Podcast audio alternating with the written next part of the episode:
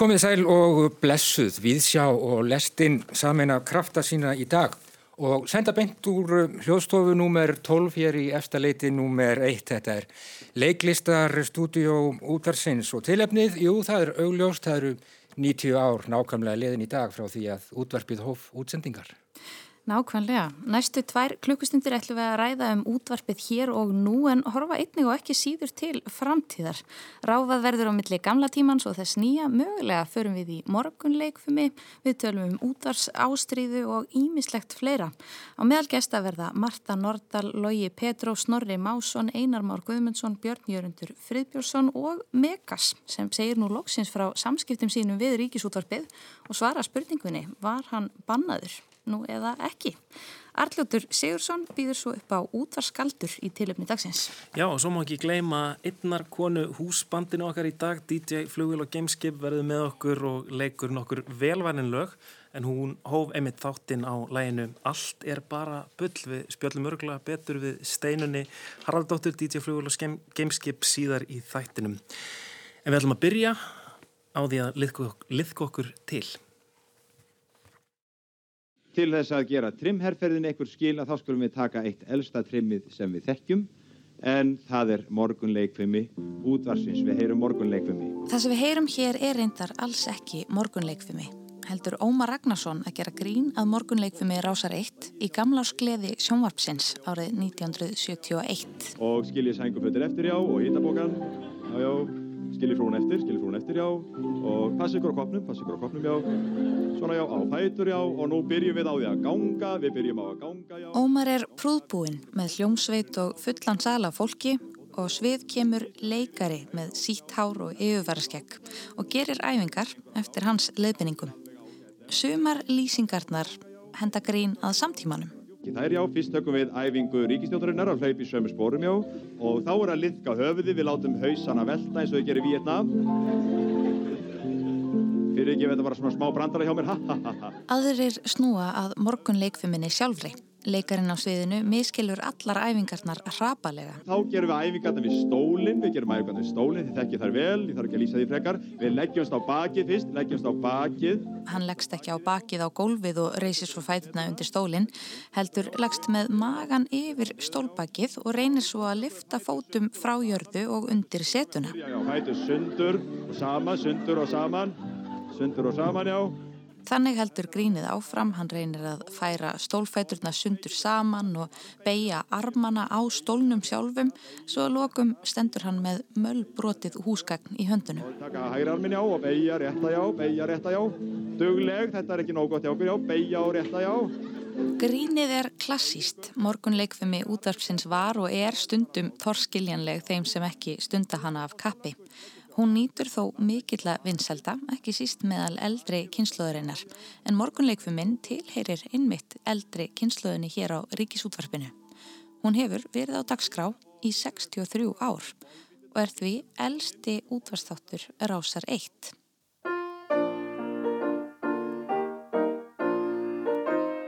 Fyrstur til að stjórna morgunleikfumi Rásar 1 var Valdimar Örnólfsson sem ræsti landan með fulltingi Magnúsar Péturssonar, píanóleikara. Já, góðan daginn og komin blessu og sæl. Og drífi ykkur nú fram á gólfið því þetta er síðasti tímin í dag. Verið nú rösk fram úr og verið nú öll saman með. Og við byrjum á því að ganga í sömu spórum fætur saman með vinstri, byrja vinstri hægri, einn, tveir, einn, tveir áfram Eins og Lana Kolbrún Ettudóttir lísti því einu sinni í útastættinum Littla flugan þá áttu þeir félagar í telepatísku sambandi þar sem Magnús galdraði fram píanósirpur í léttum leikfumi stíl við nýjabegjur og tegjur Valdimars, oftar en ekki í beitni útsendingu. Yfirleitt tók annað starfsfólk rúf þátt í gleðinni og gerði morgunæfingarnar með inni í stúdiói. Ágætt og hvíl ykkur augna blík anda djúft og rólega Hér heyrum við í Valdimar í viðtali í sjónvastættinum úr einu í annað frá 1977. En hins vegar veit ég það að það eru talsett margir sem hlusta á þetta. Því ég get vallar sagt neina vittlinsu á þess að fá hana svo feint fram að nými þegar ég gengum austrætið ekstar. Færðu Ef til post. þess óska fólki síðan gleðileg páskar í februar eins og kom fyrir eins og ný. Það var stórkoslega gaman að ganga um austrætið þá. Það sendi þér Það ekki bref, heldur talar beint Jú, í þig. ég fæ, fæ hérna, ágætt bref, mjög skemmtileg bref. En svo er líka hringt mikið til mín.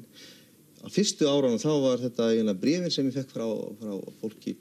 Þau eiginlega heldur mér algjörlega eh, við efnið. Ég var nú þú sem að hætta bara tímbili við þetta. Því að það var hvergi friður, sko. Ekki eins svona böllum en eitt. Ég var nú ógýrstu þá og, og svona hafði ekkert sérstaklega gaman því að menn verið að klappa öxlina mér þegar ég dansa við hverja fallega dömu og segja eitt, tveir, eitt fyrir að kvöldleikum núna. Valdimar stýrði morgunleikfuminni í 25 ár en þegar hann hætti þótti stjórnendum Rásar 1 komin tími á tilbreytingu. Þá var, ef ég skil þetta rétt, morgunleikfumin feld inn í morgun þáttin gull í mund og líkamsræktarfrömuðurinn Jónina Benediktsdóttir sem nú er ný fallin frá var köllu til. Góðan dag aðtapna fólk, velkomin á fætur. Góður dagur byrjar að morgunni, segir málsátturinn. Þið skulum við takast á við sifjuna og skvetta erlega úr klaufunum um leið og hress upp á gamla góða hjartaveðan. Við skokkum eða göngum í eina mínútu meðan við hlustum á Hot Lunch. Létt. Lyfta njánum herra upp. Skokka. Eins og heyra má hreisti Jónína ærlega upp í dagskráni og hlustundum með. Hér er brot úr viðtali við Jónínu úr sjónvarstættinum Veröld sem var frá 2018. Þannig ég fór bara inn svona eins og Jane Fonda, bara inn í Íslenska ríkisútvarpið og gerði allt vittlust. Pína sér svolítið áfram, pína sér svolítið áfram. En hérna, svo skólaði sér til og ég byrjaði að nota hérna sungilög, hérna bara með allskynns rockstjörnum. Og uh, þá lendi ég því að Pétur Pétursson heitinn, þölur, hún leist nú ekkert á þetta og hann treður inn lúðrasveit í beinni útsendingu. Og hérna það var það einhver reyður í mér. Fannst þetta bara ógislega fyndi þannig séð sjálfregin það útastráð baði mig afsökunar og kallaði mig á fund og held að ég færi fílu ég er askaplega lítið fílugjörð Halldóra Björnsdóttir tók síðan við morgunleikfuminni árið 1987. Komið sælablessuð og velkomin í morgunleikumi. Við heitum okkur upp á hefðbundin hátt, göngum að staðnum, létt og leikandi, sveiflum örmónum með, horfum beint fram og berum höfuðið hátt. Í þættinum Sigga og Lolla árið 2015 sagði hún frá því að hún hefði verið að kenna á líkamsræktastöð Jónínu og Ágústu Jónsson þegar Jónína ákvaðað söðla um og bað Halldóru að taka við af sér. Halldóra fjælst á það og færði morgunleikfumina aftur frá fjörinu hennar Jónínu til fyrri vegar. Nei, ég hef ekki neitt sérstaklega trú á æsingi í íþróttum eða, eða, eða líkamstjálfun heldur að bara gera þetta svona bara ákveðin yfirvegun. Halldóra sagði einnig frá því að hún hefði alltaf haft einn ákveðin hlustanda í huga. Já, ég sko, ég tala til ákveðina konu Já. sem að er reyndar ekki lifandi en þá en kona sem ég þekkti og gerði alltaf æfingarnar og ég tala bara ennþá til hennar og, og hérna ég sé hana bara alltaf fyrir mér gera æfingarnar. Já.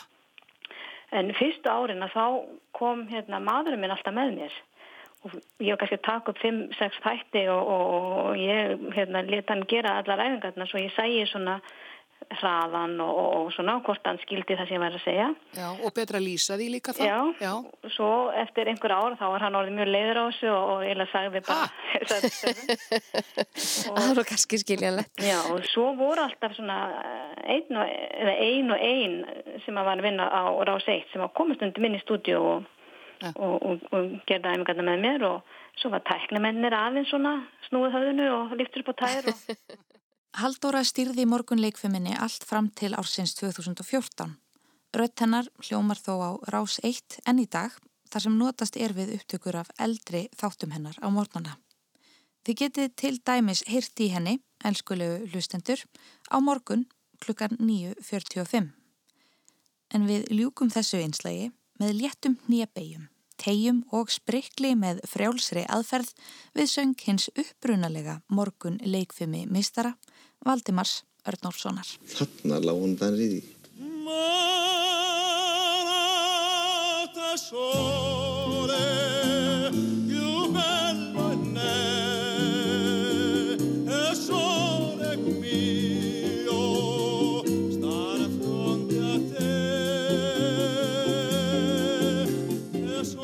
var Anna Marsebil Klásen sem að rifjaði upp smá morgunleikfumi sem hefur verið fastur liður hér á Ráseitt í 63 ár. Já, sá. við komum í hörku form eftir þetta. en uh, það er komin góður gestir hingað í hljóðstofu nr. 12 í eftirleiti. Við ætlum að ræða um, já, stöðu ríkisútarsins, kannski hér og nú og svona aðtöða hvort að það hafi staðið sig gegnum tíðina. Þau eru sest hérna Marta Nordal Hún er leikustjóri á Akureyri Einar Már Guðmundsson, réttöfundur og Snorri Másson, bladamadur og hlaðvarps þáttar stjórnandi. Verið öll hjartanlega velkomin. Um, Marta, skiptir ríkisútarpið enn máli? Já, það ég er mikill aðdáðandi ríkisútarpsins og ég ætla bara að fá að tala hérna núna, bara þar sem ég nú fulltrúi Norðurlands, að uh, þá uh, er ríkisútarpið eini miðillin sem að getur gert kröfu á að fjalli um landsbyðina. Uh, bæði bara, og nú tala ég út frá menningu, uh, menningar uh, viðburði hjá út á, til dæmis á Norðurlandi. Mm -hmm. Aðrir fjölmiðlar þurfa ekki að gera það eða get ekki gert það sögum fjárskosts og þetta er alveg rosalega mikilvægt vegna þess að við horfum svo oft bara á höfuborgina í þessu tilliti en það er náttúrulega rosalega mikilvægt að miðla frá okkar landi Já. og það er náttúrulega hlutverk uh, þetta er almenningsútvarp almannaútvarp þjóðarútvarp, bara svo þjóðleikúsið og það er þeirra hlutverk að ná til okkar allra mm -hmm. og jafnræð, gæti jafnræðis og það að því leiti finnst mér til dæmis, bara svo ég nefnir þess að dæmi, finnst mér þetta alveg gríðarlega mikilvægt. Komin mikil dreifbílistótn í þig, Marta? Já, ég er bara mjög orðin, hérna hefur vikað mjög mikið sjóndeldarhingin hjá litlu Reykjavíkur dömunni. Mm -hmm. Einar Már, hvað segir þú? Jú, þetta er, þetta er alveg hálf rétt sem hún segir og, og hérna og það er náttúrulega hægt að tala um útvarpið á svo á svo víðu plani sko að, að það er náttúrulega til dæmis líka eins og maður, ef maður hugsaður út í eins og svona varveislu gildið mm. allt efni sem er til hérna og hefur farið hérna í gegnum og sko ef ég hugsaði út frá eh, minni kynnslóð eða sko þegar maður er 6 ára þá er útvarpið 30 ára. Og mér finnst, fannst það einhvern veginn vera miklu eldra þá en það er í dag sko, síðan er liðin 60 ár sko, mm -hmm. skiljið, þetta, þetta er svona ekki bara talnaleikum þetta er eitthvað, eitthvað svona afstæði tímans. En uh, sko þá sko þá er líðveldi líka þegar ég er að vaks úr grassi þá er líðveldi líka svo ungt Já. að útvarpið hefur aldrei svona held ég svipaða svipar hlutverk á háskólinn að því leiti sko að, að sko skilgrein okkur og, og hérna og, og það er í sem sé líðveldið uh, er að finna svona sinn tón og, og það er verið að hafa fyrir okkur við erum sko Íslendingar mm -hmm.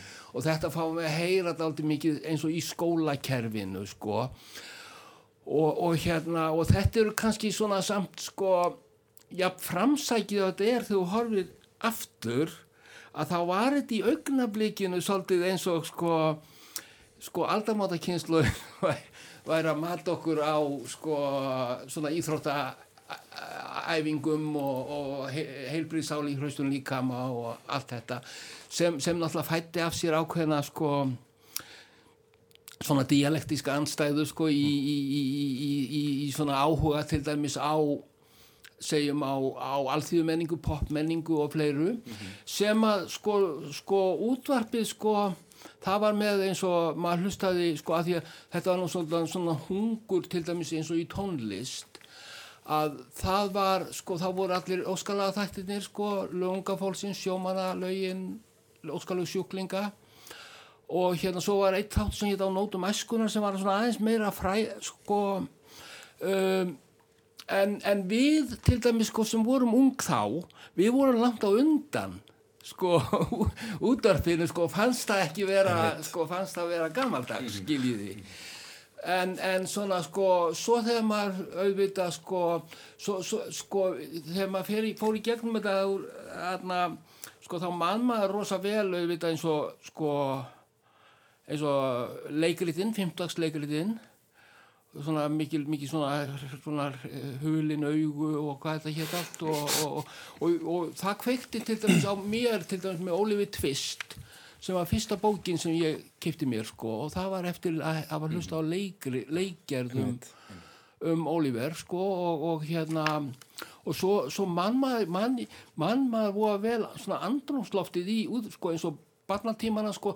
rattirna, krakkarnir ha ha ha, þau voru að hlæja og undan sko, það var eitthvað lag hjá og, og, og spjalla við bændur, það byrjaði á svona einhverju gítaspili og, og fleira og fleira þannig að þetta, þetta, þetta er í, í mínum huga allavega svona svona eitthvað andrumsloft tímans tengt, tengt útvarpinu. Snorri, þú ert af annari kynnslóð hérna á þrítugsaldri hvernig, sko, hvernig hefur uh, Rás 1 og Ríkisútvarpið elst með fólki? Er, er ungt fólk í dag til dæmis að hlusta á Rás 1? Sko þegar þú lýsið með þess að sko, með þess að fyrir kannski 30-40 árum þá var Ríkisútvarpið eftir á í tónlistinni sko. uh, ég, held að, ég held að það hafi ekki gert nema bara augast ég, uh, ég, ég held að það sé eitthvað sem að verða að segja um, Uh, þannig að staðan er, er orðin svo að, að ríkisúttarpið er bara eitthvað batteri sem, já, ég held að engin ungmanneski ætlist til þess að það veiti þeim eitthvað tónlistarlegt uppeldi, sko, uh, nema þau séu að hugsa það á einhverjum mjög sértækum nótum með klassísku tónlistæði, hvernig það er. Mm. Tónlistarlegt uppeldi uh, veitir fólk bara einfallega sjálfur sér, það er einhver önnur, allan einhverjar aðrar bóðlegir í menningunni sem, sem veita það, sko. Það eru auðvitað samfélagsmiðlar og, og, og allt það. Um, en hvort það skiptir máli þá auðvitað bara spyr maður skilur ok uh, ég menna fyrst að það hlutverk er algjörlega fyrir bí uh, ef, ef við gefum okkur það og ég held að, ég held að það sé skynsalegt að gera það. Uh, þá, þá er það eitthvað annar hlutverk sem við ætlum til þess að, að þetta batteri sinni. Fyrst að við erum nú að borga því átjáðumst á ári sem við styrir þetta mjög sangjant verð mætti að hækka en þá er það náttúrulega bara þú veist hvaða hlutverki á það að gegna og þegar við horfum til framtíðar skilur þá held ég að þá held ég að fyrir mér sko persónulega og, og það er náttúrulega uh, líklega einhver um, einhver gerða menningar ofbeldi að ég hugsa þannig en mér finnst það bara eiga að snúast um íslenska tungum það að mm. nummer 1, 2 og 3 í allri eh, stefnumótun er alltaf að ganga út frá því að, að því ég held að það sé bara alltaf gott eða með mjög mikið af fólki sem er á launum við að framlega íslensk stefni ég meina 100 manns á launum við að skrifa og tala það er bara, getur ekki verið nema gott fyrir tunguna sko mm. eh, En, en spurningin var sko hvort að þetta hafi verið í, í þróast í takt hvort að unga fólki sé allast upp í það að fara sér inn í að hlusta á þetta. Það er stór spurning. Fyrir mig, ef ég lýsti því bara þá er ég 23 og ég er kannski ég er stórneitandi núna rásar eitt en ég var það líklega ekki fyrir kannski þremur, fjórum árum. Það hefur ágerst verulega, sérstaklega kannski eftir ég fór inn í til dæmis akademist háskólanám og, og síðan eh, bara eftir því sem maður verður eldri og fer að, að, að fylgjast með um, já, bara þungluðsleiri hlutum eins og bara þjóðfælisumræðinni eh, þá gerist það bara. En ég veit ekki, ég held og ég hrættur um að um, þetta stökk, eh, hvernig maður stökk að ég hafi byrjað að hlusta á rúf ég held að það sé að verða fátíðara Ég, ég, ég myndi ætla að það sé að vera fátíðara en það er miðlunin orðin slíka, hún grýpur þig bara mm. með viðtakari hætti þar að segja önnur nýmiðlun uh, þannig að þörfin fyrir rúf kemur ekki upp kannski hjá öllum mm -hmm. og þá held ég að það þyrti að vera svar rúf að fara inn í þessa nýmiðlun og, uh, og, og reyna að, að uh, tegi út ánga sína þar Já það er til dæmis ekki, þú veist, ég meina við erum með lang vinsalesta tónlistastefna á Íslandi sem er rap uh, sem er sko það sem bara úlingar lifa og hrærast í. Uh, það er ekki fjallað um þetta hérna. það er ekki fjallað um rap svo að heiti geti nema kannski í lestinni. Já, nema kannski í lestinni en aðruleiti á Ríkistúðsmjörni, ég meina Rúf 0 var stopnað en það hefur ekki náð fótfæstu það er náttúrulega önnur sæði, getur talað um það akkur ég held að það sé, en ég held að það sé svolítið patroniserandi þegar búin til stöð fyrir unga fólki sko, ég minnst að aðalstöðunar er að gera það en það er náttúrulega líka mjög flókin um ræð sko. mm. en það er ekki fjarnarrap og rap er, er það sem ég held að muni sko eh, bjarga íslenskunni, við töfum að bjarga íslenskunni ég er mm. líka hættur um að nota það rála sko. Snorri minnist á, á rapið sko, það leiðir þá kannski hugan að því sko hvað um, hvað hvað eh, eigum við að gera betur, Marta? Ertu með svar við því? Ég, sko ég er sammála allavega að snorra, mér er mjög gaman að heyra það, þú veist, þú talar um íslensku tungu, af því það er nú stundum orðið bara hálfgeitt bannord að tala um íslensku tungu í dag. Mm -hmm. Það þykir eitthvað rosalega halló sem ég finnst ekki og það er bara mjög gaman að þú skilji tala um það, en þess að ég er líka sammála því að sko ráseitt verður að gera eitthvað sem aðrir ekki gera. Það finnst mér að vera svona mm grundvallaratrið að því ég, mér, mér til efs að ef að rást eittir er lögði niður að það væri einhver annar fjölmiðl sem tæki þetta upp mm -hmm. að fara að fjalla um menningarlegt efni með þessum hætti og ég er líka sammála snorra í því að, að bara menningaframlegsla er bara uh, nummer 1, 2 og 3 fyrir, fyrir rúf bæði í sjónvarpi og þessi innlend menningaframlegsla uh, leikið efni og svo bara íslensk menning mm. og sko, ég meina, hvað mætti gera betur? Ég meina, þetta er bara, þú veist, þú þarf bara, það er erfitt fyrir mig að vera að setja sig eitthvað svona réttstjórastólu, en ég get samt sagt það að það var kannski, mér finnst svona, já, út af sleikúsið, kannski hafa aðeins gefið eftir einhver hlutavegna og það er svona mér málinu kannski skilt eh, sem var mjög öflugt alltaf lengi vel. Og auðvitað veit ég að þetta er fjárskortur að hluta til. og, en, og svo, svo bara hvet ég rúf til að, að framleiða uh, Íslands menningarefni sem mest. Já. Einar, hvað segir þú? Um, hvað vantar? Já, ég myndi segja sko líka sko, það má kannski segja eins og ofta sagt sko, góður hluti gerast hægt sko. Ég held að, ég held að þetta sé svona stöð sko, það sem hlutin er eigið að gerast hægt. Það er mikið að vera til og bara eins og þetta sem, og eins og hvernig þetta er orðið í dag sko, eins og núna allt í ennur lagsnes bækurnar, bækur Haldurs lagsnes aðgengilegar og og uh, sko það er til alveg gríðalegt efni. Ég man alltaf sko ég man alltaf sko maður uh, sko þegar maður svona frá barnatímunum og öllu þessu sko að þegar ég, þegar ég var að læra bókmentir að þá fórum við í útvarp og fengum að hlusta á nútíma leikrit við fengum að hlusta á þarna Pinterleikrit og Goddo og þá sá maður til þess hvað Bessi Bjarnason var rosalegu leikari sko, og, og hérna sko að því maður þekkt hann meira sem Mikka Ref skiljiði og, og Jónatan. En, en, en sko sko þannig að ég, ég held að ég held að sé náttúrulega sko það, það sé líka til eitthvað svona basic menningalegt svona menningalegt hlutverk í grundvallaratriðum sem sé rétt bara að halda sig við og ekki kannski vera sko æsa sig of mikið sko hvort að séu sko tveir góðir hlustundur eða Mhm. þúsund slæmir Ekki, ekki panikera yfir, Nei, hérna, ek- nei, nei yfir óbónum. Já, ég, ég sammála Já, þið eru nú bara harla ha- kátt. Alltaf, erum ekki nógu gagn? Ég og þeir, eru rosa- kátt en ekkit, ekkit rosalega gaggrínin en, en, Nei, en það er auðvitað fróðlegt að fylgjast með því hvernig uh, þetta fyrirbæri vex með þjóðinni og, og það er auðvitað alltaf dálítið áhugjefni hér innan hús að, að uh, við náum ekki til fleiri yngri hlustenda. Mér finnst að þjóðfélagsumræðan mætti oft vera fjörugri Já. Já, þjó, þjóðfélagsumræðan, já, ég, ég meina, ég, ég held að, sko, yngri hlustendur, eh, það er, já, þetta, það er náttúrulega flókið að ná til þér og ég held að Rúf hafi náttúrulega hljótið alltaf að hafa verið í, þessari, verið þeir, þeim vandræðum, sko. Já.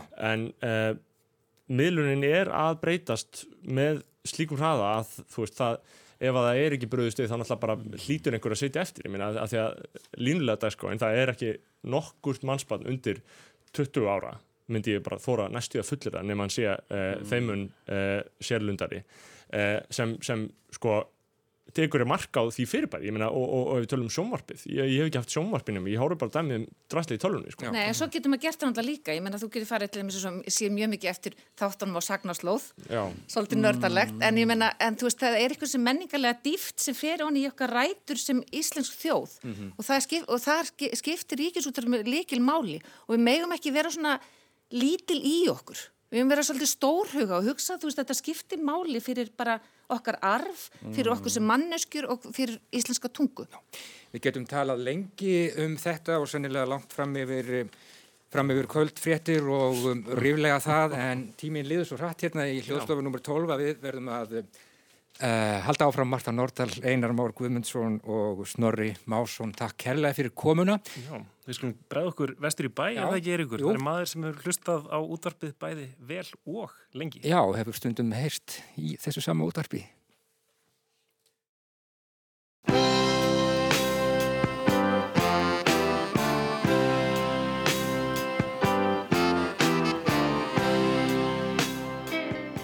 Já, ég er komin hérna vestur á Bárugötu, þar situr Magnús Þór Jónsson Megas og já, tilgangurinn er nú eiginlega sá að fá hann til að tala eins um uh, afmælisbarnið sem er nýrætt í dag, það er ekki útvarpið að sjálfsögðu. Magnús, uh, áttu þér, uh, já, það hefur útvarpið skipt því máli í gegnum tíðina bara til dæmis þegar þú varst krakki? Já, heilmiklu. Uh, ég á svona ófalsaða minningar sem tengjast uh, út af spunu og karakterisera, svona setja karakter á, á tíman. Og fyrst mann ég eftir þeirri enginlu sælukenn sem fór um hann, en það er mennuð eftir Bokkarini og það er Breykjavík Axel Þorstinsson segir sér þetta það var voða, voða notalega þannig ekki fyrir þannig enga fréttir.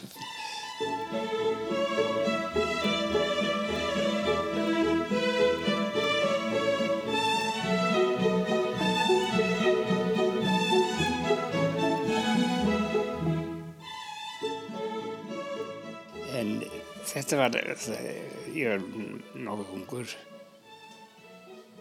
ég hef nú ekki hýtt á, á eh, dagskránar svona í gamlum tímaritum en ég held að byðin bara þetta baka mann það var ekki með hlýja, leng hlýja en næst held ég að sé uh, lægið eftir einhver sænskan tónlistamann og svo Bánsímón Hagalkvöldu og ég held að hefði komið þá í mann ólítil kergegakvart og barnalegum batatímum sko. og þannig að ég las það neitt. Þá var einhvern tíma fyrst tíma það var e, ég var nú ekki svipið nafnið hildur eins hvernig hún áarfæði við vötnin en Pánsímón hann sló allt út sko. Og maður fjallaði kyrfilega fyrir Pánsímón Já, akkurat.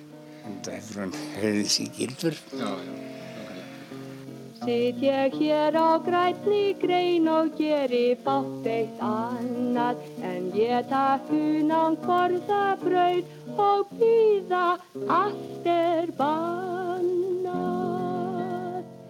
Dropar ég man ekki hvað það spannaði langt tímabil.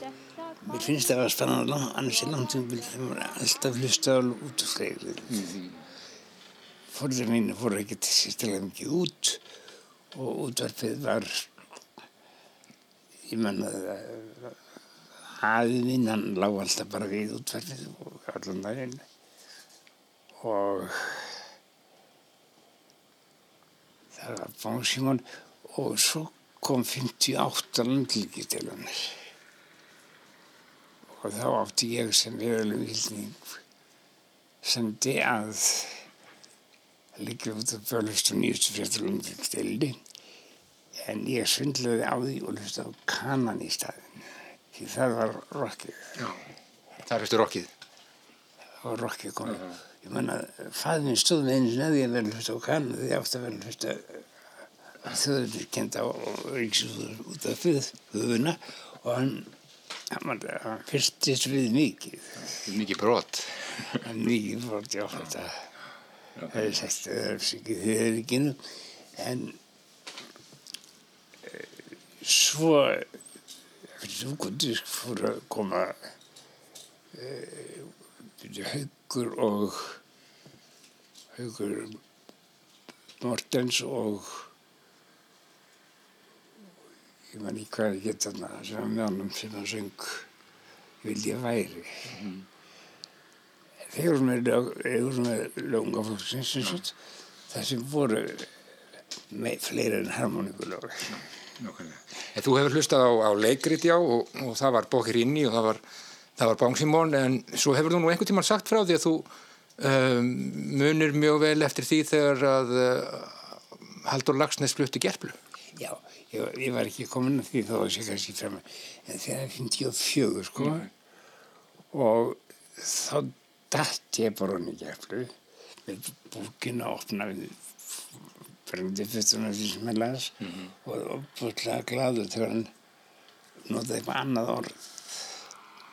Það var eins og að hlusta bútleika. Já, einmitt.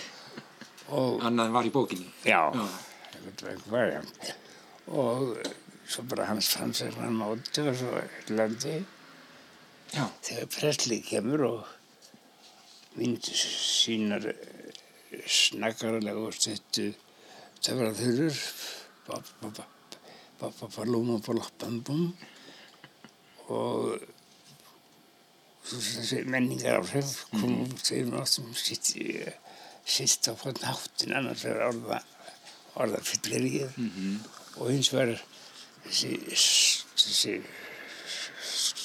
storða en melkeða töfraþurra sem var dullmól lökumanna þessar yfir kynlíf sko og ég vissi nú ekki ekki um þærmerkingar en þetta hljómaði mjög merkingar þungi. En þetta mættist einhvern veginn í þínum kolli, gerpla og, elvis Já. og var sprenging? Og var vefnakvarf sko. og eitthvað nýtt með, ánga af hvoru er eitthvað nýtt var til Mhm. og mm, Hefur Magnús svona útvarpið fyllt þér í, gegnum tíðina það um, fór nú af stað einhver tíman svo saga að þú hefði bókstæðlega verið bannaður einhver tíman í, í útvarpinu, það mætti ekki spila þig en ég veit ekki hvort það er flökku saga eða, eða hvort að einhver fótur er fyrir henni. það er búið að færa og, og svona snýta þau til alltaf en, en sannleikurinn er sá að, að ég eh, kom í plötun upp í útvarp og hitti Jón Úla sem var uppbútað þurrkundulegur einhvern veginn og sagði "Við erum- við erum ekki skildir til að spila þess að allir komið bara til að þú veit að hann myndi ekkert kynna. Hún hefði reyndar verið kynnt áður í umferðætti á Vestlumannhelgi. Ég man ekki hvaða átórisett í umferðamálum frá dagskrá ælanda sko. en hann fekk plötinu í hendur og ég man ekki hvað hann spilaði af henni en hann kynnt hann með þessum orðum. Hérna kemur, kemur flata sem á ekki eftir að heyrast ástæðinu svo kemur hún út og þá uh, er hún spiluð eitthvað. En svo og tónlistættin hún veit ekki að hún er alveg svo vandaverðinum en svo gerir það held ég að, að uh, Silli deyr og meðan það lík stendur uppi þá gammast einhvern til að spila lagið eftir með samferðin í Blómalandi það. Og þá vaknaði tónlistættin upp við vondan draum og það var haldið neyðarfundur sko. Þetta er alltaf til þáttakonum, skúringöldum og það var haldið neyðarfundur og, og það var vísnast yfir því að hvernig svona nokkuð kæmist inn í útvarfið. En Skandall. Niðurstaðan að þeim fundi var og það held ég að hann hérna óperusöngur það var Dustin eitthvað, Snannisson eitthvað Já. það hefði verið aðalmaðurinn að hún var, var, var fjarlægð og fór í enga safni Jóns Vúla, þar var eitthvað sem ekki múið spila og hún var komin sérst í bann eða það heit ekki, hún var verið ekki í útlegð Já, útleg. og útleg gerð. Já, og þetta þóttu, þessi, sko, versta plata frá, frá, frá aðilega, sko. En síðan, eh, ég veit ekki hvort, annar aðilegin er nú látin, en Pétur Pétursson Þölur, hann sóði einhverju la- laga þræsi út af sínum sjöppveignum eða einhverju og hann er sem lagfræðing Gunnar Eidal og Gunnar Eital var nú vinnur konun minnar og, og, og vinn og hann getur hafa plötu og sagði heyrðu, það greiði nú fyrir málaferðunum sko og spyrir þess og þannig lögum með svona bak þegar megin svo sem var aldrei aldrei alveg, alveg forbóðin sko það, Nei, er, það, það var ekki þellt að sviða þá hún heyrðist en En ég veit að vildi var nú ekki alltaf sem henni kæmi með hljómlut til að spila. Þetta notuðust bara við safnið og í safnið nátt hún ekki vera. Nei. Þannig var svo saga. Já. Og þetta var að, sko, alveg fyrðulosnir yfir því að, að svona nokkuð kæmist inn í þessu. Vil ekki tímar. Já. Sunnudögum þegar Kristur tárum tefur Tillögu frá Guðum þunga skatt Á gummi verið á efur Mari í myrkrinu Mögguð grímu klætt útrými með bípat En Guð býr í gasbindinu amma Æ, geimdu handa mér megar blómið amma En hérna, hvað með uh, útvarpið í dag, Magnús? Hlustarðu á, uh, hlustarðu á útvarp mikið? Eða er það bara svona í, í umhverfinu eitthvað staðar? Gerðan á appið. Já. Og stundum er að búa skemmt þetta, það. Og það er eitthvað mjög skemmtilegt í útvarpinu og maður er að lesa eitthvað sem vil frekar kynna sér. Það var það svo skemmtilegt að maður tröflast á því. Já. Og það er gríðarlega mikið af þáttum sem eru interessant og bæði spjallþáttum og, og, og sö- sögum af einhverjum mönnum eða atbyrðum og ég veit ekki, ég er nú svo gáðdags að ég, þetta streymi, það er að segja, maður tapar aldrei af neinum. Ekki að missa af neinu. En það er ákveðin sérfið við að missa einhverju. Já. Sem er náttúrulega ekki til þegar það lifir halvar núna eða þeirra vikur í viðbót á, á, á, á einhverjum, einhverju skjálkarsjóli sem að ég með ekki heitir. En já, ég, núna síðust, síðust liðn ár hefur, hef ég heft hérna í gaman á dörfinu og, og hlusta á marg sem ég var ekkert undirbúin að heyra. Já, Gaman að þetta koma sér óvart. Marg komið óvart sem sem var þegar búið að senda út á þau. Og það er margar rætti sem ég vist guðlegar og það komið sem ekki enn í fólki. Ég meina, mín, mín, minn argangur er úr sögunni, sko. Já. Svolítið að það kemur alltaf óvart til mm. Finnst þið mikilvægt að hafa ríkisútvarp? Já, ég held að ég hef nú ekki huglitt þetta neitt haugilega. Ég finnst það bara líka um uppi, ég, ég er alveg. Og þessar frjálsustöðvar, það er, er svona uppofan. Frjálsustöðvar, það myndir alveg taka sér það hlutverk sem að er ekki súparið hefur og, og bara kostnaða þjónustu sem sagt. Nú er fyrir að borga spes fyrir alla þjónustu, bankan, það er ekki svo lítið við, ég hef ekki spurt á það. En, en ef að, að vilji svona frjálsíkjumanna verða veruleika, þá náttúrulega er, verður svona, svona drefið útvarfið. Ætti ekki að finna bara Bánsímón Megas og koma, koma honum í loftið aftur? Myndur þú hlusta? Já, já, já, Fónsímón er bara alltaf, hann er alveg síkildur, sko. Ég hef nú skilist að, að dre- drengurinn sem er umfjöllur nefnd, hann hafi ekki verið bara ánaður með þetta svona lengi vel. En þetta er bara svo góðar bækur að þessi samþykir ekki það, þá bara lifir þetta. Lifir af þrátt fyrir það.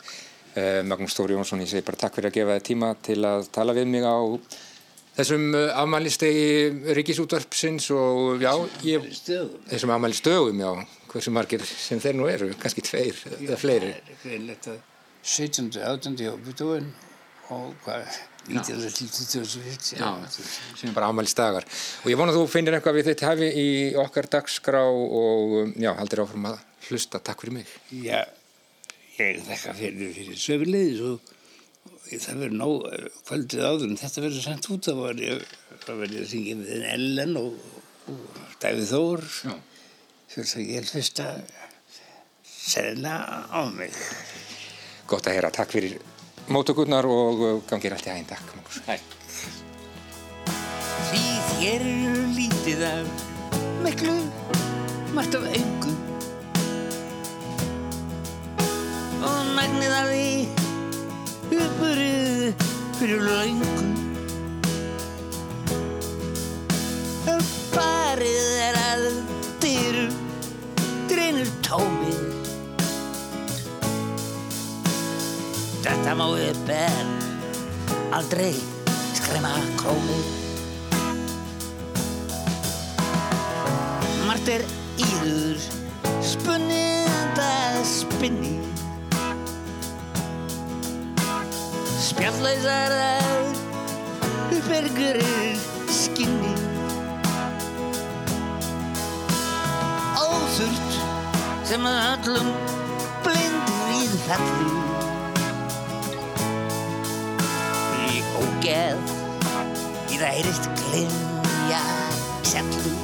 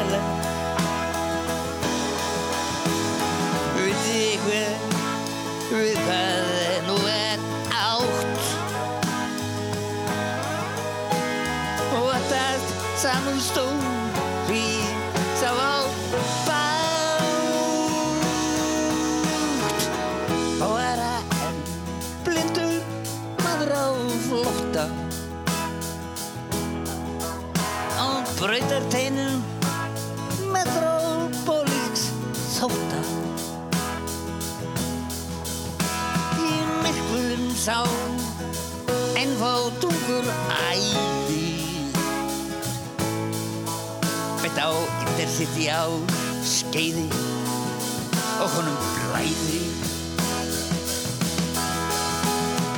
Út á suður um brotin liggja beinin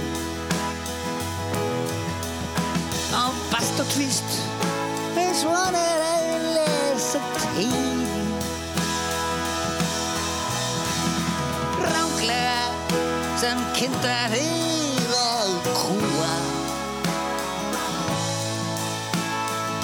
grátleist heyrist með feiti um leinu brúa.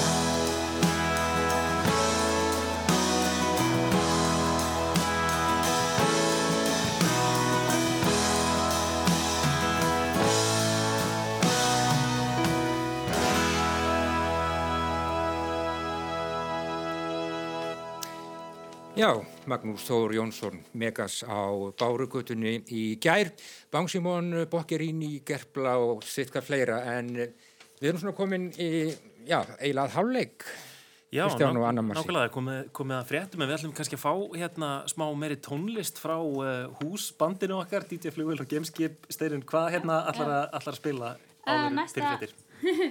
næsta lag er hérna elsta lag í heimi. Elsta lag í heimi. Það er um hljómsveit sem að var fyrsta hljómsveitin og spilaði fyrsta lagið og hvert einasta lag sem þessi hljómsveit spilar breytist í nýjan heim og við erum inn í þessum heimi núna sem hljómsveitin var að spila. Mjög gott, við heyrum það og svo snúum við aftur eftir fréttir við Anna Marsibil, Kristján og Eiríkur í þessum háttíðar þætti lestarinnar og viðsjár. Heldur betur. Gjör svo vel.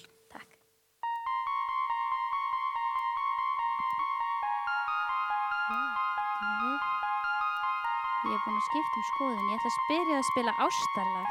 Þið fáið bara að heyra hitt lagið á eftir.